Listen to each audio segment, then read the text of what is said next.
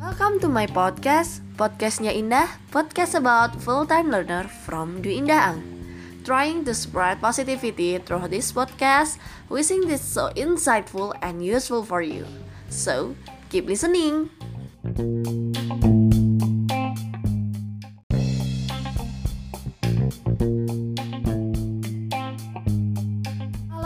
Semuanya, balik lagi sama podcastnya Indah. Setelah sekian lama Indah nggak update soal podcast Indah hiatus dulu selama dua bulan ke belakang. Karena um, sempet sakit juga Tapi nggak apa-apa, sekarang Indah mau ngebahas apa yang udah Indah bahas di Instagram. Cuman kalau secara um, story, kalau baca gitu ada yang nggak paham. Terus ada yang mispersepsi gitu loh ya udah Indah coba bikin podcastnya. Podcastnya soal ke pengelolaan keuangan sederhana mbak. Ini caranya Indah ya. Setiap orang bisa beda-beda caranya. Yang pasti tujuannya biar keuangan kita terkontrol biar kita tuh pengeluarannya nggak lebih banyak daripada pemasukan. Nih contohnya ya buat teman-teman yang masih kuliah biasanya kan dikirimin tuh sama orang tua tiap bulan atau tiap minggu atau tiap dua minggu atau setiap habis langsung dikirim coba deh di ini Ian dibikin cash flow-nya. Cash flow tuh apa sih? Cash flow itu arus keluar masuknya. Nah ini tuh berlaku banget buat kamu nanti sampai nanti nanti nanti gitu. Iya siapa sih yang nggak butuh uang ya kan? Semua orang itu butuh banget yang namanya uang gimana kita mengelola uang itu dengan bijak. Kalau kamu emang tipikal orang yang hemat, bisa. Kamu yang boros banget, nanti kamu kaget loh kalau misalkan uangnya lebih dikit dari yang biasanya kamu terima. Nah, itu pentingnya pengelolaan. Jadi sewaktu-waktu kamu uh, suatu saat nih, misalkan kamu yang lagi kuliah, kuliah di perantauan yang artinya dikasih uang jajan setiap bulan sama orang tua kita asumsikan semuanya sama setiap bulan. Kalau misalkan kamu tiap dikasihnya sehabisnya, kamu coba cek kalkulasiin di rata-rata setiap bulannya itu berapa. Nah, suatu saat ya amit-amit ini mah, tapi kita harus siap siaga dengan worst case-nya. Suatu saat, suatu ketika, misalkan orang tua kamu ini um, pengusaha, terus ternyata nggak bisa ngirim kamu sebulan itu. Kamu mau makan apa? Nggak bisa kan kalau misalkan ini. Misalkan biasanya kamu dikasih uang 3 juta terus tiba-tiba kamu cuma bisa dikasih sama orang tua kamu tuh sejuta. Kamu gimana kalau misalkan tiba-tiba kayak gitu? Nah oke okay, itu yang case terburuknya ya. Tapi kalau misalkan kita nih udah lulus misalkan udah lulus terus uh, udah mau udah gawe gitu. Gawe tapi gajinya se belum sesuai dengan ekspektasi kita. Gimana caranya biar uang itu bisa terus apa ya terus mencukupi hidup kamu gitu. Nah caranya ada sederhana banget yang Indah sampein di uh, story. Ada Indah badut bahas duit. Ba badut yang sesi satu ini yang part satu ini pengelolaannya. Gimana caranya sih biar nggak makin membengkak pengeluarannya dibandingkan pemasukan?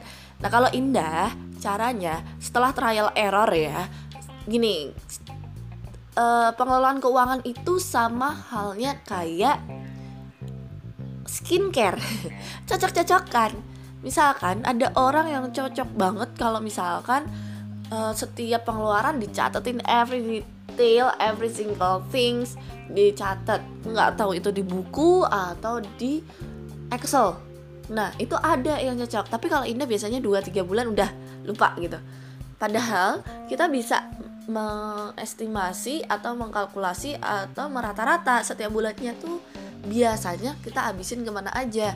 Nah kita pakai cara yang uh, sederhana aja gitu. Kalau Indah biasanya misahin. Indah misalkan dalam satu bulan itu kan rata-rata 30 hari ya. Misalkan nih satu bulan dikasih uang 3 juta. Misalkan nih ini bukan angka yang satu bulannya indah ya. Satu bulan ini 3 juta oke kita catat dulu 3 juta. 3 juta ini gimana caranya bisa untung menghidupi Indah selama satu bulan dan bisa nabung dan bisa investasi. Oke, 3 juta. Angka yang nggak dikit dan nggak banyak ya cukup lah untuk satu bulan untuk anak kos yang masih mahasiswa. Oke okay, 3 juta. Kita uh, bagi dulu sama biaya tetap yang kamu mau sekaya apa pun semiskin apa pun tetap segitu pengeluarannya. Biaya tetap ini biasanya kalau untuk indah itu biaya pulsa pulsa HP ya pulsa HP ini 100 ribu. Oke terus karena biasanya Indah isi token itu 2-3 bulan sekali 3 bulan biasanya itu yang 100 ribu kita rata-rata sebulannya 35 ribu. Pulsa listrik 35 ribu. Terus biaya laundry indah nggak semuanya baju di laundry karena udah trauma banget. Yang hilang lah bau apak lah atau lalala lili lilang yang lainnya. Jadi indah setiap bulan harus beli yang namanya uh, sabun cucinya. Sabun terus ya perlengkapan kayak gitulah ya di kamar mandi itu kayak Pepsodent terus sabun mandi, sampo dan segala macam Indah anggarin itu setiap bulannya 120 ribu. Nah udah gitu Udah nih. Kan gak semuanya Indah bisa cuci sendiri ya Kayak spray gitu males kan? Terus uh, apa namanya selimut itu males. Jadi setiap bulan Indah selalu ada budget yang namanya budget laundry Budget laundry. Ini Indah budgetin seharga 35.000 Oke, setelah itu uh, ada uang wifi. Uang wifi karena kosan Indah wajib bayar wifi 100.000 per bulan Jadi harus ada budget yang fix. Wifi 100.000 Terus uang transport Uang transport rata-rata satu bulan tuh Indah ngabisin 50.000 bensin.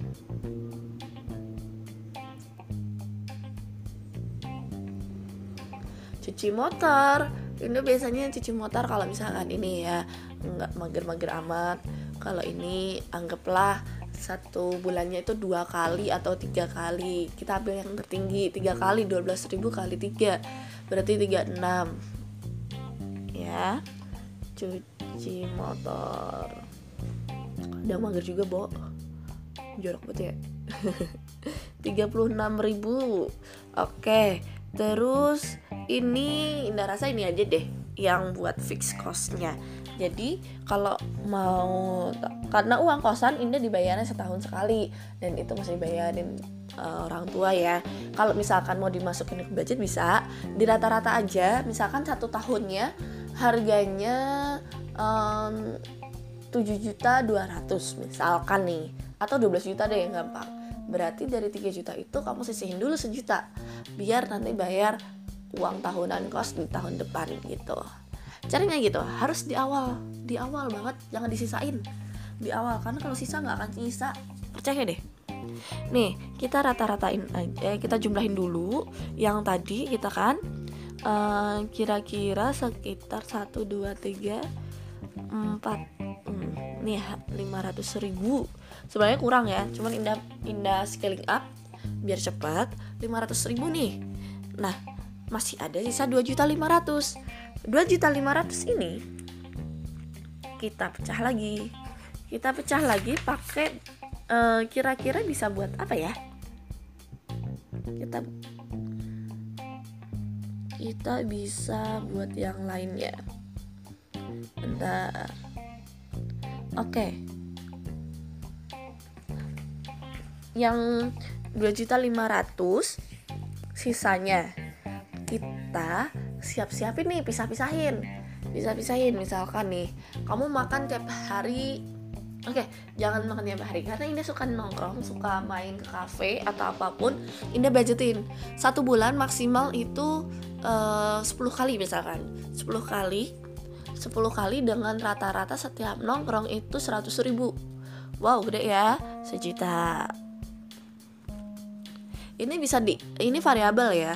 Jadi misalkan ini kan biaya hobi, biaya hobi satu juta itu termasuk gede banget. 30% dari pendapatan.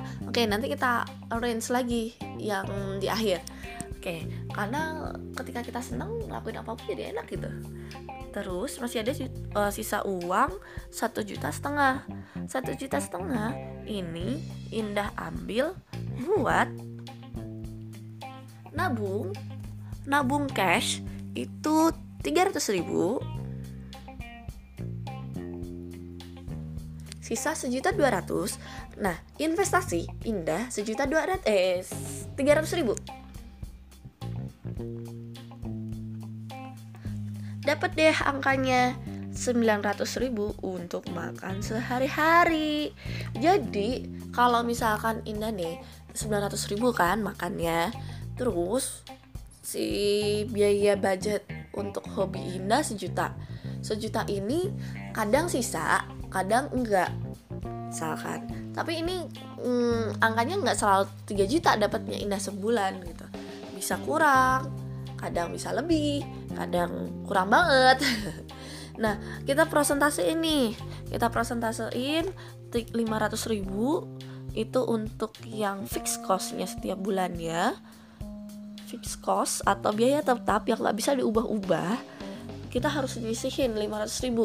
Mau seberapa uh, banyak uang yang didapat selama sebulan kita harus nisahin awal-awal 500 ribu. Bayar uang kewajiban dulu. Jadi 500 ribu kita di awal. Terus 900 ribu eh 600 ribu karena ini buat nabung dan investasi itu di awal. Jadi di awal bulan Indah selalu harus nyisihin sejuta seratus. Sisanya bisa buat makan sama buat hobi. Kalau ada sisa lagi di akhir bulan tambahin ke tabungan. Kenapa di tabungan dulu?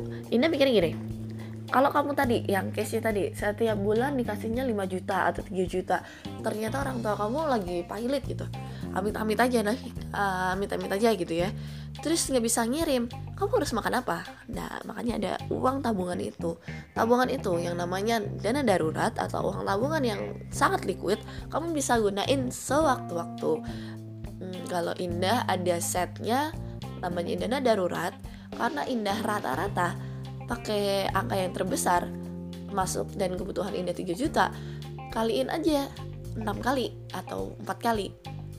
Nah, karena Indah biasanya kan gampang sakit ya. Hanya dingin dikit aja udah pilek dan segala macam itu uh, harus siap dananya. Bukan untuk harus ke dokter tapi harus siapin dananya in case pokoknya kalau sewaktu-waktu itu tuh ada case terburuk lah dari kita. Ya kita nggak mau tapi kita harus jaga-jaga. Makanya ada dana darurat. Dana darurat itu seberapa? Tergantung kamu lagi. Kamu mau ngasih angkanya berapa? Kalau Indah misalkan 10 juta. Nah Indah harus berusaha untuk nabung sampai angka 10 juta nah di suatu saat Indah butuh uang itu untuk ikut seminar yang benar-benar worth it parah. Ya Indah pakai aja uang 10 juta itu. Misalkan uang 10 juta itu Indah pakai buat mengupgrade diri Indah. Ada pembicara hebat gitu ya di Bandung terus Indah pengen banget datang harganya 2 juta. Ya udah pakai aja nggak apa-apa.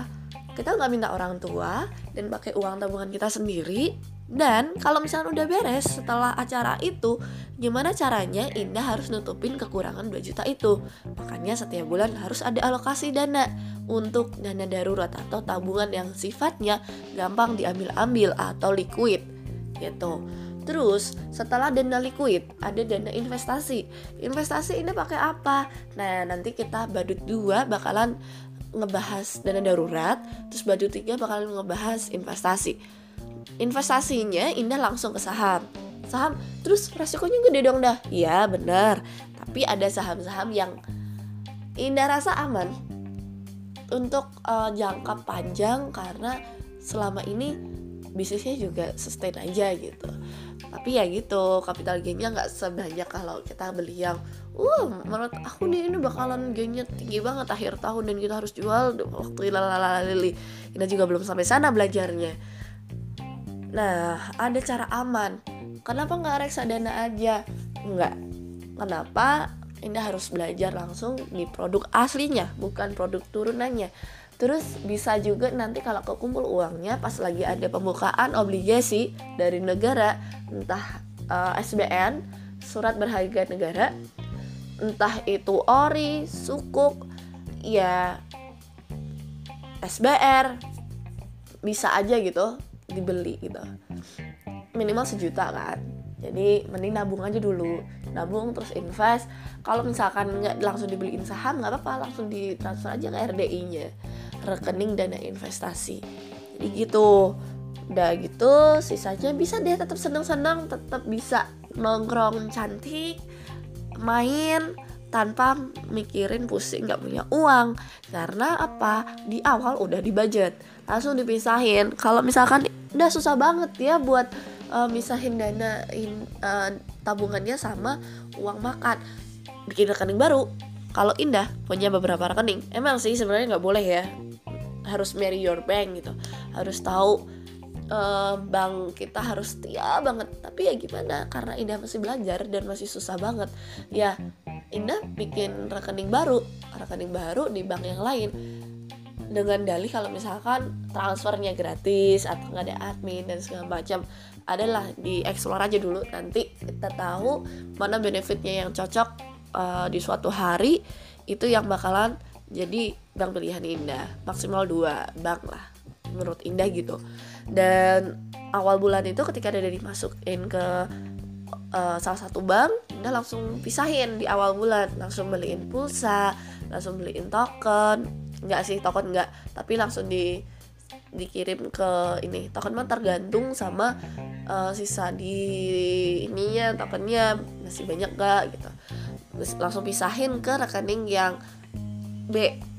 Rekening A waktu ditransfer terus rekening B buat saving. Rekening C itu uh, jadi Indah punya rekening A di dalam rekening A itu ada rekening lagi di dalamnya. Itu untuk uh, tabungan tabungan auto debit yang 300 ribu. Terus ada 300 ribu langsung ditransfer ke rekening dana investasi begitu ceritanya.